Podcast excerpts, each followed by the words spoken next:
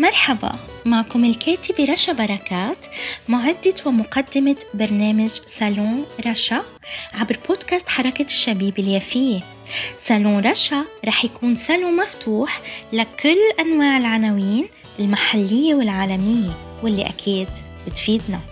اسمعونا على منصات التواصل الاجتماعي والتطبيقات Spotify Podbean Google وأبل وطبعا على الفيسبوك بصفحتي بودكاست حركة الشبيب اليافية وحركة الشبيب اليافية سالون رشا مطعم معروس البحر بإدارة طارق باباي. تجدون أطيب أنواع الأسماك واللحوم والسلطات. أسعار مريحة وجلسات خلابة مقابل شاطئ يافا. مطعم عروس البحر ينظم الحفلات والسهرات والأعراس وأعياد الميلاد. يافا حي الجبلية هاتف 053 400 8900 و 0544 281 440 مطعم عروس البحر حي الجبلية يافا.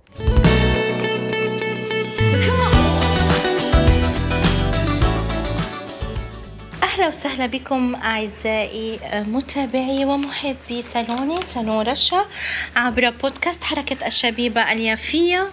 أما اليوم فبصالوني عندي استضافة جميلة وشيقة ومهمة في آن.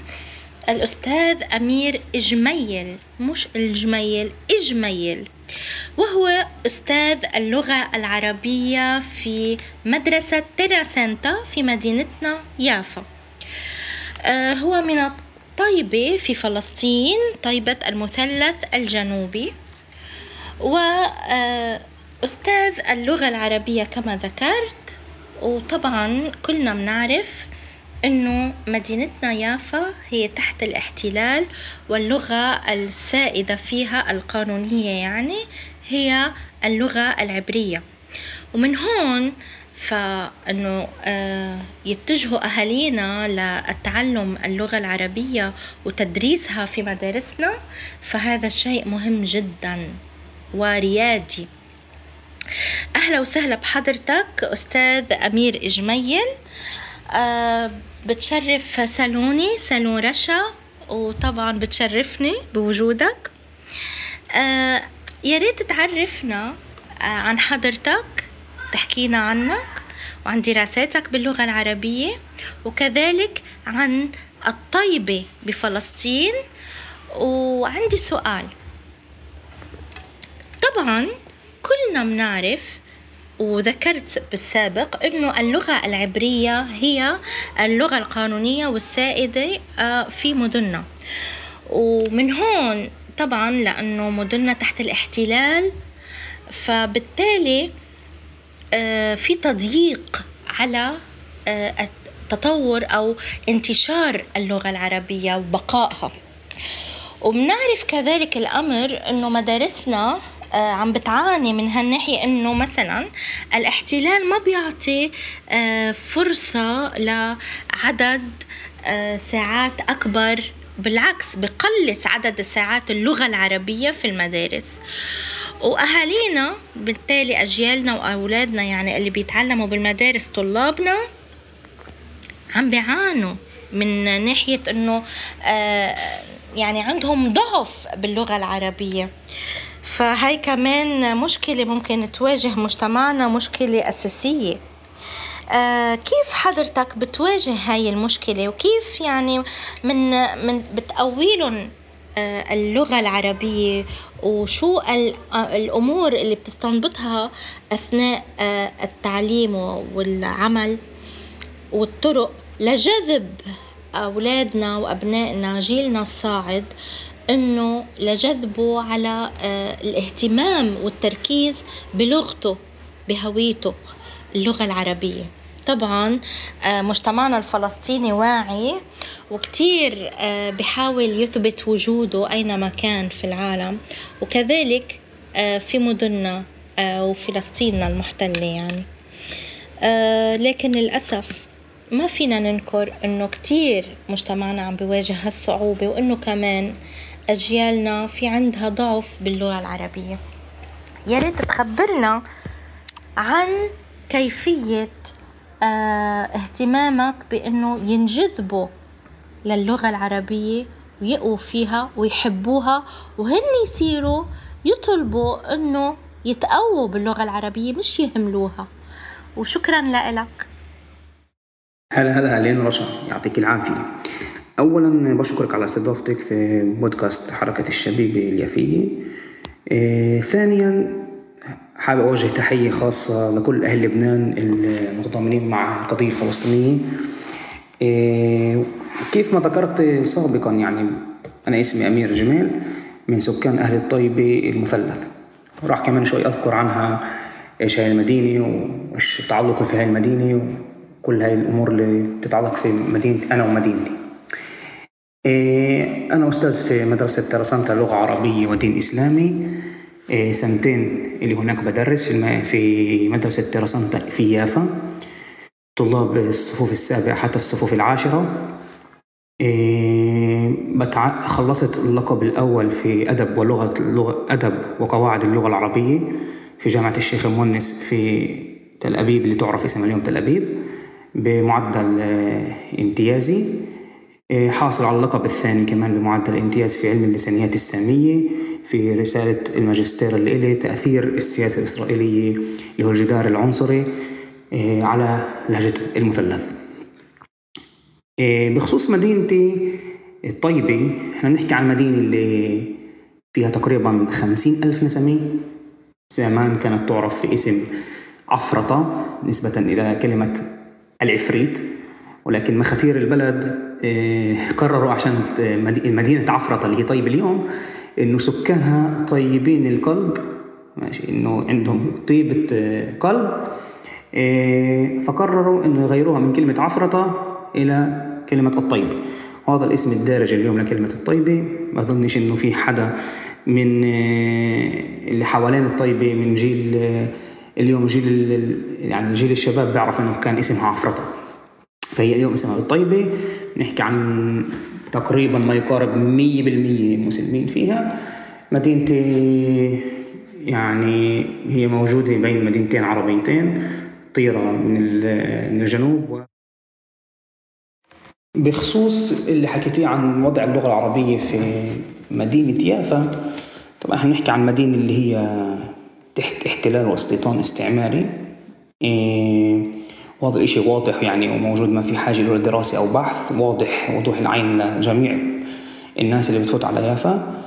إيه وكمان في عندنا هناك سيطرة على اللغة في سيطرة لغوية معينة على هاي المدينة اللي الشباب وشباب شباب المدينة حتى ورجالهم ونسائهم اللغة الدارجة عندهم هي أكثر عمراني من هي عربي. شخصيا أنا ما عنديش مشكلة مع اللغة العبرية. أنا عندي مشكلة كيف إنه اللغة العبرية تستغل للغة العربية. يعني شو القصد؟ كيف الاستيطان هنا أو الاحتلال هون بيستعمل اللغة العبرية كسلاح يواجه فيه اللغة العربية وإنه هي اللغة العبرية لغة إسرائيل. خلينا نقول نسميها لغة إسرائيل. وإحنا بنواجه فيها اللغة العربية لقضاء أو خلينا نقول محو وقمع وطمس اللغة العربية. هاي مشكلتي مع اللغة العبرية ولكن كلغة بحد ذاتها بشكل مستقل ما عندي مشكلة ولا مع أي لغة أنا. أنا مشكلة مع كيف استعمال اللغة كيف ممكن إنه تكون لغة هي عدوة لغة. وهي اللي إحنا بنقدر نشوفه في يافا إنه كيف ممكن يكون إيه كيف بتحاول إيه السياسة هناك أنا تمنهج إيه تمنهج طرق معينة إنه يكون في فوقيه معينه من اللغة العبرية على العربية. وهيك شوي شوي بصير في انحدار للغة العربية وإنها توصل لغة عربية في الحضيض. وهذا الشيء يعني مع الأسف الشديد يعني في نجاح في مدينة يافا إيه لا شك أن هذا الأمر يعني كمان موجود في المناهج. لما نطلع على المناهج الموجودة أهل يافا أغلبهم بدرسوا في كتب اللغة العبرية.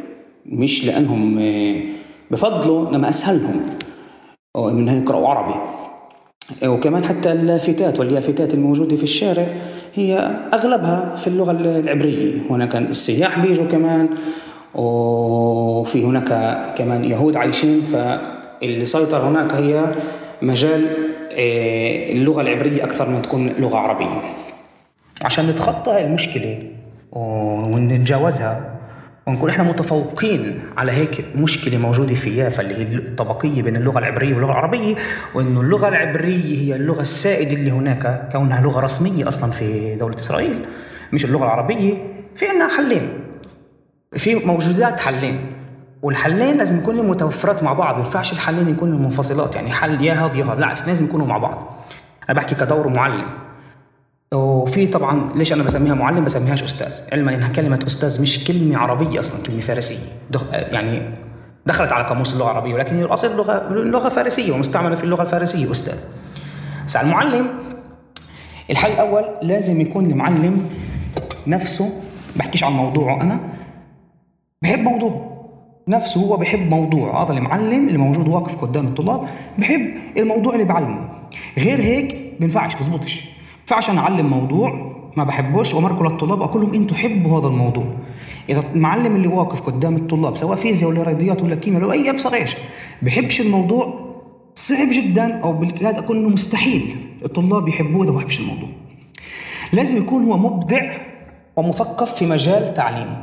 هذا الحل الثاني الحل الثاني الموجود أو مش مش الحل الثاني خلينا نقول إنه كيف ممكن نتخطى هيك شيء إنه المعلم لما يعلم الطلاب الصف لازم يكون في عندنا شغلتين متوفرات. لما نحكي عن دول الشغلتين بنفعش نفصلهم عن بعض. يعني بنفعش شغلة تكون موجودة وشغلة ما تكونش موجودة. أول شغلة هي حب المعلم للمادة اللي بمرقها. إذا ما كانش عند المعلم حب لماده بمرقها وبنفعش يخلي الطلاب يحبوها. علاقة متبادلة. أنت بتحب المادة بتعرف تحببها بالطلاب. بتحبش المادة ولا يمكن تقدر تخلي الطلاب يحبوها. لأنك أنت أصلا معطي هاي الطاقة إنك أنت بتحب بتحبش هاي الماده فالطلاب شيء طبيعي ما يحبوش الماده أو يحبوش الموضوع. أنا ما بحكي هون هسه عن عربي ولا عن موضوع ثاني. ممكن يكون رياضيات ممكن يكون فيزياء ممكن يكون عبراني ممكن يكون عربي. مش مهم شو الماده إذا أنت بتحب الماده وعندك هذا الشغف في هذا الموضوع بينفع تخلي الطلاب أو بتقدر يكون عندك إمكانية تخلي الطلاب يحبوها. هاي رقم أس... يعني شيء رقم واحد شيء أساسي لازم يكون عند المعلم. غيرك بينفعش الطالب يحب المادة. الشغلة الثانية إيه، أو قبل ما ندخل قبل ما ندخل الشغلة الثانية كمان إنه غير لازم يحب الموضوع أو المادة الأستاذ المعلم ما ننساش إنه هذا المعلم بيتعامل مع 30 طالب. إذا المعلم بينجح إنه يتعامل مع 30 طالب مع 30 عقل مع 30 شخصية ويوفر لهم حب هذا المادي هذا اسمه معلم مبدع. إحنا بنحكيش عن طريقة تقليدية طريقة كلاسيكية. أفوت أعلم المادة بطلع. في عندنا هون 30 عقل على الأقل 30 شخصية بالصف. إذا بعرف أمرر المادة ل 30 عقل في 30 طريقة مختلفة ونفس المادة تكون نفس الموضوع يكون بس في الطرق اللي كل واحد يحب على طريقته هون بتسمى معلم مبدع. وهون الطلاب تبدا تحب المادة أو الموضوع. يعني لقدام راح أعطي أبسط الأمثلة على هذا الشيء كيف ممكن أستاذ آه كيف أسف كيف ممكن يكون معلم آه يتعامل مع 30 طالب في 30 طريقة مختلفة وهي نفس الموضوع نفس المادة. آه هاي شغلة. الشغلة الثانية نحكي عن الموضوع نفسه يعني نحكي عن عربي آه فإذا بدي أحكي عن عربي هون لازم يكون المعلم عنده ثقافة وإبداع في موضوعه. آه، ملم بجميع فروع الموضوع. يعني ما بحكي أنا عربي أنا بحكي أدب قواعد بلاغة خط تاريخ ديانات ربط تاريخ مع الديانات. أي شيء بده يكون في محور اللغة العربية أو في محور كلمة عرب لازم يكون هذا المعلم مثقف ومبدع وملم في هذه المواد. لما يكون المعلم مثقف بهذه المواد سهل جدا إنه يقدر يخلي الطلاب يحبهم. كيف أنا طريقتي كيف أنا بستخدمها؟ الطلاب اليوم إحنا بنحكي عن بحكي عن الصفوف السابعه لحد العاشر أو 11 كمان إذا بقرأ ال 30 عقل في عندهم شيء اسمه الخروج عن المعتاد. إذا واحد مثلا بيعملش المطلوب بكيفوا عليه. فأنا شو بعمل؟ بأخذ هاي الخروج اللي عندهم بالعقلية الخروج عن المعتاد بطبقها على المنهاج. الخروج عن المنهاج. بعلمهم مش على طريقة المنهاج اللي معطينا إياها وزارة التربية والتعليم بعلمهم في طريقة ثانية مختلفة كليا. وهسه باجي بتطرق فيها كيف بعمل. بعلم شوي من المنهاج بعلم مواضيع قواعد بعلم أدب كيف طالب مني بالآخر الطلاب بده يتقدموا الامتحانات لوزارة المعارف اللي بنسميها عنها امتحانات البقروت ولكن في عندنا الخروج عن المعتاد. الخروج عن المعتاد هنا إنه ما عملش. كيف ما هو لازم لازم يكون نعمل الدرس أو الحصة بطريقة مقلوبة معينة اللي شيء جديد على الطلاب. شو مثلا بعمل أنا؟ إيه، أول إشي عشان أقدر أ- أخلي اللغة العربية تفوت على ذهن الطلاب وتترسخ في عقولهم أول درس لي بجيش بقول لهم شو يعني لغه عربيه أو تعريفي للغة العربية بيكونش تعريف اعتيادي. يعني بقول لهم مش اللغة العربية إيه، ليش إحنا بنتعلم إعراب؟ عشان أصعب لغة في العالم وعشان تعرف تحكي لا. اولا اللغة العربية مقترنة بهويتك. بتعرفش لغة عربية؟ بتعرفش هويتك. هون بتيجي الإبداع بمعنى كلمة هوية. هون الطلاب بيسألوا أستاذ شو يعني قصدك هوية؟ هون بيجي إبداع المعلم بتعريف كلمة هوية. ولما تعرف كلمة هوية وتعطي الجذر لكلمة هوية وتتطرق لمسائل الهوية وللخلاف اللي على الهوية في ال في ال في الواقع اللي إحنا عايشينه بيبدوا يفهموا ويترجموا إنهم آه هم عندهم مش هوية اذا أنا مش موجود أنا مش إنسان فلازم أعرف شو يعني لغة عربية. فتعريف اللغة العربية مش أفوت على الصف طيب إحنا بنتعلم لغة عربية أصعب لغة يعني كل الحمد لله إنك بتعرف أصعب لغة. لا لا لا, مش هيك. في لغات أصعب من اللغة العربيه ولكن إحنا بنتعلم عشان صعبه بنتعلم عشان هويتك. تعريف اللغة العربية لازم يكون مقترن بهويتك. إذا فيش عندك لغة عربية فيش هوية. فيش هوية أنت مش موجود أنت مش إنسان أنت إنسان. مالكش حقوق مالكش قيمة مالكش شيء هون التعريف بيجي بعده اللي أنا بحكي فيه الخروج عن المعتاد اللي مش درس قواعد 100% أنا كل درس بفوته على صف ببدأ في موضوع اليوم.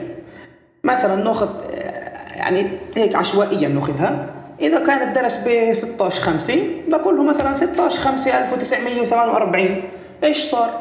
نبدأ نحكي. آخر كلمة بتخلص في اللي بيحكوه هم بيصير جدال في 10 دقائق بتروح جدال. بأخذ كلمة من اللي حكوه وببدا أعلم اللغة العربية من هاي الكلمة. إذا على سبيل المرة صار مثلا إيه حكوا إشي قالوا إيه هذا الملك واسمه. قلت لهم تعالوا خذ اسمه. هذا الاسم إيش وظيفته النحويه هون؟ وبلش الدرس. هيك بلش الدرس. مش أفتح قلم لوح موضوع الدرس اليوم مثلا البدل الفاعل. لا ببلش الدرس من الكلمات اللي هم حكوها. منهم اللي حكوها. مش أنا ببلش الدرس هم اللي ببلشوا. وأنا لما يحكوا هاي الكلمات أنا بمشي معهم. يعني هم بيكونوا المحور الأساسي في الدرس وأنا المحور المكمل اللي لهم هم الأساس. فهون بصير عندنا للطالب في شيء اسمه سياسة الترغيب مش الترهيب. هون الطالب بده يحب اللغة بده يحب المادة أو الموضوع. بطل يخاف منها بطل يقول إيش هالقرف إيش هذا إيش هذا. لا صار يجي بده عارف إنه راح يبلش الدرس عارف إنه محور اليوم بده يبلش بهاي الكلمة إذا بحكي هاي الكلمة معناته تخلص الدرس بهاي الكلمة يعني الأستاذ راح يب... المعلم راح يبلش بهاي الكلمة. ف بيبدأ الطالب يفهم إنه آه عندنا شغف لهذا الموضوع. الشغلة الثانية اللي بحكي فيها الخروج عن المعتاد مش شرط نقسم عندنا التقسيم الاعتيادي في تعليم اللغة العربية أدب فهم مقروء قواعد. لا أنا مش بقسم. أول شيء أنا بخلي الصف يختار على راحته التقسيم كيف بده. في قواعد ماشي أتعلم قواعد أكيد. ولكن في عندنا كمان شيء في اللغة العربية اللي شيء اسمه الخط. في عندنا شيء اسمه دلالة الكلمات مثلث قطرب عندنا مثلا شيء اسمه قواعد اللغة الع... قواعد الفترة العباسية الفرق بين الك- الكوفية والع... وال... وال... والبصرية. ليش في عندنا خلاف ب... ليش سموها نعت؟ ليش سموها صفة؟ تعال نفوت على الأدب. في عندنا تيار رومانسي تيار واقعي تيار هيك هيك. بصير نقارن بينهم. نعطي أمثلة حي بالصف موجودة تكون موجودة. بعده بنيجي في شيء اسمه موضوع في اللغة العربية. اللي موضوع برضه هذا موضوع شامل في كل اللغات في كل المواضيع. المناظرات إيش يعني مناظرة؟ كلمة نظرة. شو بنظر لإيش أنا؟ فوت على الجذر للغة ونتعمق فيها عشان نفهم عشان نفهم إيش بنحكى. بعده بنفوت على موضوع الصرف. يعني على تفاصيل جدا بسيطة بسيطة بسيطة بسيطة. أفرجيهم إنه اللغة العربية عالم واسع عالم أكبر منا بكثير. عالم جدا كبير عشان هيك هويتك كبيرة. عشان هيك لك أنت محل كبير في آه، اللي عايش أنت المحل اللي أنت عايش فيه. آه، بدخل كمان شغلة لتفاصيل ثانية. كثير عندنا آه، في يافا بيستعملوا اللغة العبرية يعني في حكيهم. ذكرت هذا الشيء سابقا. أنا أول درس فت عليه منعت اللغة العبرية مش لهدف كره باللغة العبرية كيف كرهت لهدف التعويد على الحديث عن اللغة العربية. الطلاب كانوا كل جملة يحكوها بس كلمتين عربي. اليوم إحنا بنحكي يعني على هاي السنة بنحكي عن بأصعب الحالات بيحكوا كلمة واحدة عبراني عبري بالدرس كلمة واحدة. ليش؟ مش لأني منعت لأنه كل كلمة كانت تنحكى بالعبري بالصف كنت أكتبها على اللوح وافرجيه إنه في لها كلمة بديلة في اللغة العربية تبادل لساني بسيط. مثلا إذا بيقولوا مثلا آه، شوم هي معناها ثوم عندنا نفس الأحرف. وأبدل وأفرجيهم إنه في ملان بدائل لسانية ومنين أجت كلمة هاي؟ وليش أجت هاي؟ واي أحرف هاي؟ حصة كاملة تروح على هاي الموضوع. وفيش عندي مشكلة ما راحتش هباء منثورا ما راحت لهدف تعزيز مهارة الطالب. وتفرجيه إنه اللغة العربية لغة جدا رائعة وهي هويتك بالآخر. مع مرور الوقت إحنا بنلاحظ إنه الطلاب يعني بأول شهر بأول شهر تسعة كان في شوية ملل. لحد شهر خمسة صاروا الطلاب هم يمر بدهم يمرقوا دروس. هم بدهم يعطوا دروس في اللغة العربية. حتى لو مواضيع أنا ما علمتهاش حتى لو موضوع أنا ما علمتوش أستاذ أنا بستعب بحب أستخدم كلمة أستاذ هم بينادوا كثير بس أنا بحب أستخدم كلمة معلم وهسه باجي ليش تفصيل معلم؟ إيه على لسانهم كيف أنا بدي أحكي لكم بدي أحكي كيف بيحكوا على لسانهم. أستاذ بينفع أمرك هذا الموضوع؟ إيه ما علمتكمش اياه بس. نقرا نقرأ مش مشكلة. طلعوا صار عندهم شغف للقراءه في اللغة العربية. وهذا اللي صار. لما يكون حدا لما يكون المعلم عنده ابداع في, في إبداع في موضوعه فبيخلق إبداع عند الطلاب. إيه بخصوص استخدام كلمة معلم وأستاذ أنا جدا بحب يعني بفضلش أستخدم كلمة أستاذ. بستخدم كلمة معلم لأنه الجذر علم علم يعني ترك بصمة ترك بصمة للطالب. مش شرط إنه علم مادي لا. ترك بصمة عند الطالب في علامة معينة هون أو تعليم لشغلة معينة إنه مش راح ينسى الطالب هذا الإشي. وأنا بفكر من الصفوف اللي أغلبها علمتها إنه ولا يمكن راح ينسوا الدروس اللي مرقناها إيه، مع بعض على هاي تعريف اللغة. ليش هون. ليش هيك. ليش هذا الحرف هيك؟ ليش هاي شكل الحرف هيك؟ ليش مثلا اسمها لغة الضاد. مفكر حدا ليش اسمها لغة الضاد؟ طب بركي ما اسمهاش هيك. تعالوا نبحث مع بعض. بركي اسمها لغة الضاء وإحنا مفكرينها ضاد. تعالوا نسمع مع بعض. تعالوا نفكر مع بعض. نخلي الطالب بمستوى المعلم نخليك يعني نكون بمحور واحد مش بمحورين متفرقين. هنا أنت بتعلم على الطالب أو بتعلم في الطالب مهارة إنه ما يكونش منكفئ على ذاته ما يكونش منطوي على نفسه وهون بيكبر بحاله هو بيكبر بعينيه. فأنا برأيي إيه هاي ليش أنا بستخدم كلمة معلم هي حكيتها إيه هاي بكبير عن كيف ممكن إحنا نتخطى هاي المراحل. وأهم شيء إنه ندخل شوية إيه، فكاهية أو لعالمهم العالم إيه، التكنولوجي اليوم الرهيب. عندنا شوية نكت بنفوت نكت كنت أحكي لهم نكت بالفترة العباسية نكت بالفترة الأموية شو الفرق بينهم؟ هاي موضوع بالمجال اللغة العربية. سواء هو موضوع سياسي بس هو بالآخر يندمج تحت أطار اللغة العربية.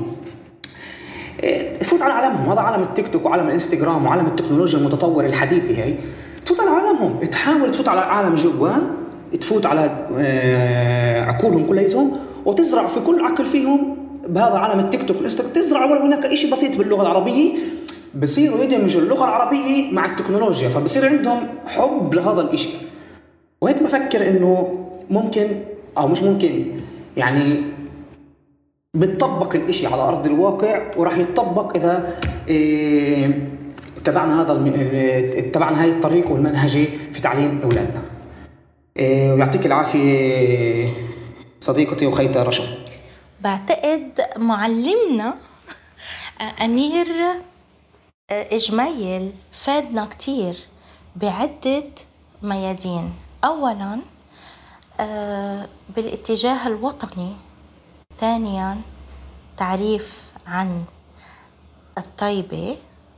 ثالثا وهي قريته طبعا. ثالثا بإضافة معلومة جميلة في صالوني اليوم واللي أنا كمان يعني اتعلمتها آه، مع معلمنا واللي هي كلمة أستاذ. أن كلمة كلمة أستاذ ليست كلمة عربية الأصل إنما هي كلمة فارسية. فشكرا آه، لهالإضافة الجميلة والمميزة. وبالمناسبة آه، في كتير كلمات أيام كنا يعني نستذكرها آه، تم إضافتها للغة العربية منها تركي منها يعني أجنبي حتى صرنا عربناها من الفرنسي من الإنجليزي عربناه. وكذلك الأمر في شغلة كتير لفتتني إنه حتى ببلاد الأجنبية الأوروبية بالتحديد ومنها فرنسا تم إضافة مثلا هني ما بيستعملوا أليفة آه، ولكن لأنه فيها هونيك عرب آه، آه، صاروا فرنسيين وبيستخدموا أليفة فصاروا يستعملوا أليفة البعض منهم يعني أضافوا لهيدا المصطلح بلغتهم باللغة المحكية وصاروا يقولوا لوفا. عنا يعني بالطريقة وبالأكسنت أو اللهجة الفرنسية لوفا. ف يعني سبحان الله الشعوب كيف بتاخد من بعضها وبتندمج. بالنهاية نحن كلنا إنسان واحد. ولكن الأهم إنه فعلا يعني نثابر على الاهتمام بلغتنا العربية الأصيلة ونرجع لها. وما يعني نخلي لغتنا العربية تتراجع وتتضعضع ويصيبها الضعف والركاكة والهشاشة بمجتمعاتنا اللي المفروض تكون مجتمعات عربية. آه، إضافات جميلة جدا حصلت اليوم بصالوني من قبل المعلم أمير آه، جميل. آه، إضافات وطنية وإعطاء طرق جميلة جدا بالنسبة للتعليم بالعربي وأهمية الالتفات لأجيالنا لتدرس اللغة العربية وكيفية جذبها يعني للغة العربية وكيف ممكن نطور آه، هال هالأمر بالتعليم وبالاندفاع نحو آه، تكريس لغتنا العربية. آه، فإذا آه، كمان في شيء كتير مهم بحب إنه ضيفه بيعني لنا جميعا بعتقد إنه أهمية الاصطلاح. أنا دايما بحب ضيف إنه دايما علينا بالالتفات للغة العربية القوية وكذلك ننتبه كتير لأستعمالنا لمصطلحاتنا. وسبق وذكرت هذا الموضوع ببرنامج سابق بعنوان أهمية اللغة العربية والتدقيق الاصطلاحي. أنا برجع كمان بكرر نداء آه، لمجتمعنا العربي الفلسطيني آه، خاصة وطبعا المجتمعاتنا العربية عامة أنه لازم نعرف نستخدم المصطلحات الدقيقة بلغتنا العربية. أما الشق الآخر اللي أنا كمان حابة أضيفه فهو أنه للأسف يعني يؤسفنا جميعا يؤسفنا نحن اللي بعدنا بنحس أنه نحن عرب وبنرفض أنه ندوب. إنه للأسف يعني مجتمعاتنا العربية آه كتير في منها بيستحوا باللغة العربية. يعني أنا بنذهل من هالموضوع. وأكاد أنه بسأل حالي ليه؟ شو السبب؟ هيدا مرض. آه، أكيد سببه سياسي. أكيد سببه سياسي. ولهيك لازم نرجع نراجع حالنا سياسيا قبل الاجتماعيا. آه، دايما المجتمع أو ما نراه بالمجتمع هو بيكون ردة فعل لشيء معين أو نتيجة لسبب. معين. فطبعا أنا يعني أكاد أجزم فيها إنه الموضوع سياسي بحت. آه، محاولات اذابتنا يعني حتى بأوطاننا العربية الأخرى. مثلا آه، أوكي فلسطين محتلة آه، ولهيك فيها آه، تعب بموضوع العمل على اللغة العربية وبتحتاج لجهد هي محتلة يعني بالنهاية. بس البلدان العربية الثانية الغير غير المحتلة. طب ليش عدم الالتفات إلى اللغة العربية هالقد؟ ليه الكل بده يحكي إنجلش بالعادة مع أو فرنسي أو غيره من من اللي هو حابب يحكيه مثلا ويبتعد عن لغته العربية. ليه؟ حتى بموضوع استعمالنا للموبايل بالتشاتينج بال... بكل هاي الأمور. ليه بدنا نكتب الأحرف اللاتينية لا إذا بدنا نحكي حتى عربي؟ آه، فيؤسفنا يعني. بعد ما كان إنه بالسابق حتى عند الفرس يعني طبعا بحكي بالعصور القديمة كانوا يتباهوا بأنه اللي بيعرف لغة عربية فهو يعني يعتبر آه، مهم ومن الطبقة الثقافية العالية. المستوى المست... أصحاب المستوى الثقافي العالي.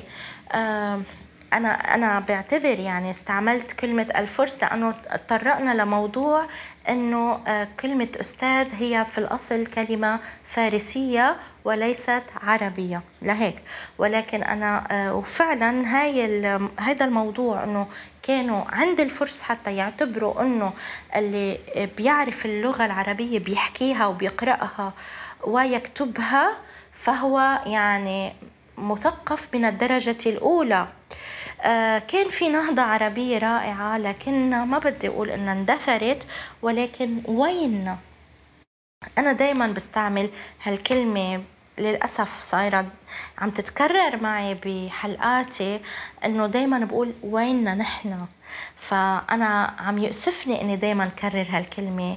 يا ريت يجي نهار وما كررها وقول برافو علينا نحن أو بالعربي بقول أحسننا.